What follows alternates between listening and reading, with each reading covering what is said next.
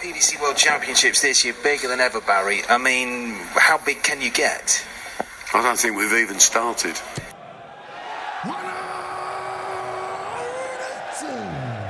Met de partij van Jan Dekker tegen Ryan Joyce werd de eerste ronde van het WK darts afgesloten.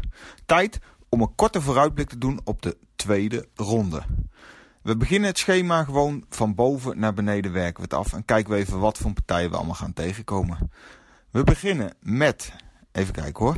Michael van Gerwen, Jelle Klaassen. Dat was natuurlijk al een tweede ronde partij. Die werd gewonnen, zoals iedereen weet, door Michael van Gerwen. Dan Ricky Evans tegen Mark McGeaney. McGeaney speelde vrij goed tegen Campbell in de eerste ronde. Kwam heel riant op voorsprong, vrij ruim. Zakte toen toch wel wat terug. Ik ben benieuwd uh, hoe Evans omgaat met het iets wat langzame tempo van McGeaney.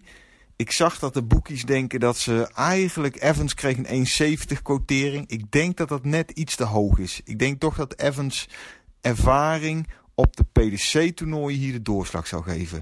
Dan Jan Dekker neemt het op tegen Johnny Clayton.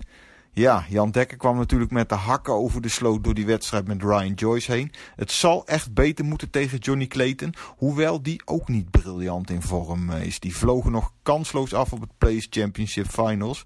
Misschien kansen voor Dekker? Ik weet het niet.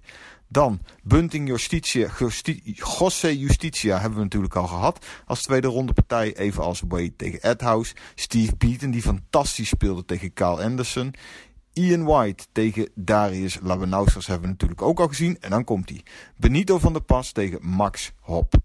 Leuk voor Benito dat hij een uh, ronde verder is gekomen. Het zal toch echt beter moeten tegen Hop. Die waarschijnlijk blij is dat hij Clemens niet treft.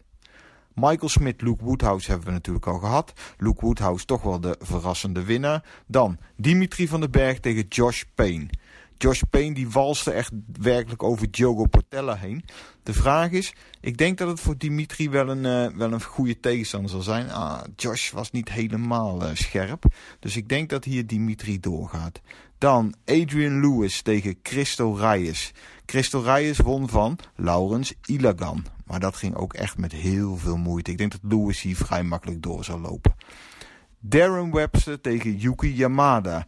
Yamada won natuurlijk van Mikkel.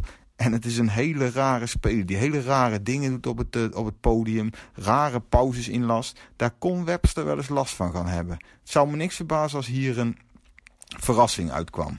Dan Gary Anderson, Brandon Dolan. Anderson stoomde natuurlijk vrij makkelijk door. Steve West tegen Ryan Searle. Ryan Searle was ook niet briljant tegen Robbie King. En ik denk dat Steve West een uh, te constante speler zal zijn voor Searle. Nathan Espinol tegen Danny Baggish. Baggish won natuurlijk van Bolton. Ik denk dat het heel makkelijk voor uh, Nathan Espinol zal worden. Dan Christoph Ratajski tegen Zoran Lerchbacher hebben we natuurlijk al gehad. Ratajski ging hierdoor. Rob Cross tegen Kim Huibrechts ging Kim met een prachtige 3-0 zege door. Danny Noppert tegen Kellen Riders. Kellen Riders, leuke speler. Die won van Steve Lennon. Ik denk, Riders is echt een ritmespeler en Noppert is gewoon echt uh, heel goed in vorm dit jaar. Ik denk dat Noppert dit toch wel uh, redelijk eenvoudig uh, gaat winnen. Dan de verrassing van de eerste ronde toch wel. Nico Koorts, de Duitse, speelde heel erg sterk tegen James Wilson. Joe Cullen is een ritmespeler. Koorts gooit ook redelijk door. Ik denk dat toch de ervaring van Cullen hem hier doorheen zal trekken. Maar het zal geen makkelijke partij worden. Dan, die, een van de hoogtepunten ook van het toernooi hebben we al gehad. Jermaine wat die menen tegen Luke Humphries. Hier ging natuurlijk Humphries door. Prachtige partij. Dan Peter Wright, Noah Malikdem. Malikdem won vrij makkelijk met 3-0 van Raubi John Rodriguez. Maar ik vond hem toch niet heel uh, indrukwekkend. Ik denk dat Wright een makkelijke avond gaat hebben. Dan kon er wel eens een verrassing aan gaan komen. Keegan Brown tegen Saigo Asada. Met Brown weet je natuurlijk nooit wat je krijgt. Het is uh, of heel veel of helemaal niets. En vaak is het helemaal niets. Ik denk dat Asada hier voor een uh, verrassing uh, kan gaan zorgen. Dan vanavond natuurlijk al Dave Chisnell tegen Vincent van der Voort. Ik denk toch dat Vincent het hier aan het kortste eind gaat trekken. Uh, de winnaar daarvan speelt overigens tegen Jeffrey de Zwaan, die als een tweede ronde partij speelde tegen Darren Young, de man die Van Barneveld uitschakelde. Dan krijgen we Gerwin Price tegen William O'Connor. Ik verwacht uiteraard wel dat Price door zal gaan, maar O'Connor is geen makkie. Hij speelde niet geweldig in de eerste ronde tegen Kantelen, maar dat is ook een lastige tegenstander was dat. O'Connor is wel in vorm. Price zal doorgaan, maar gaat het niet makkelijk krijgen.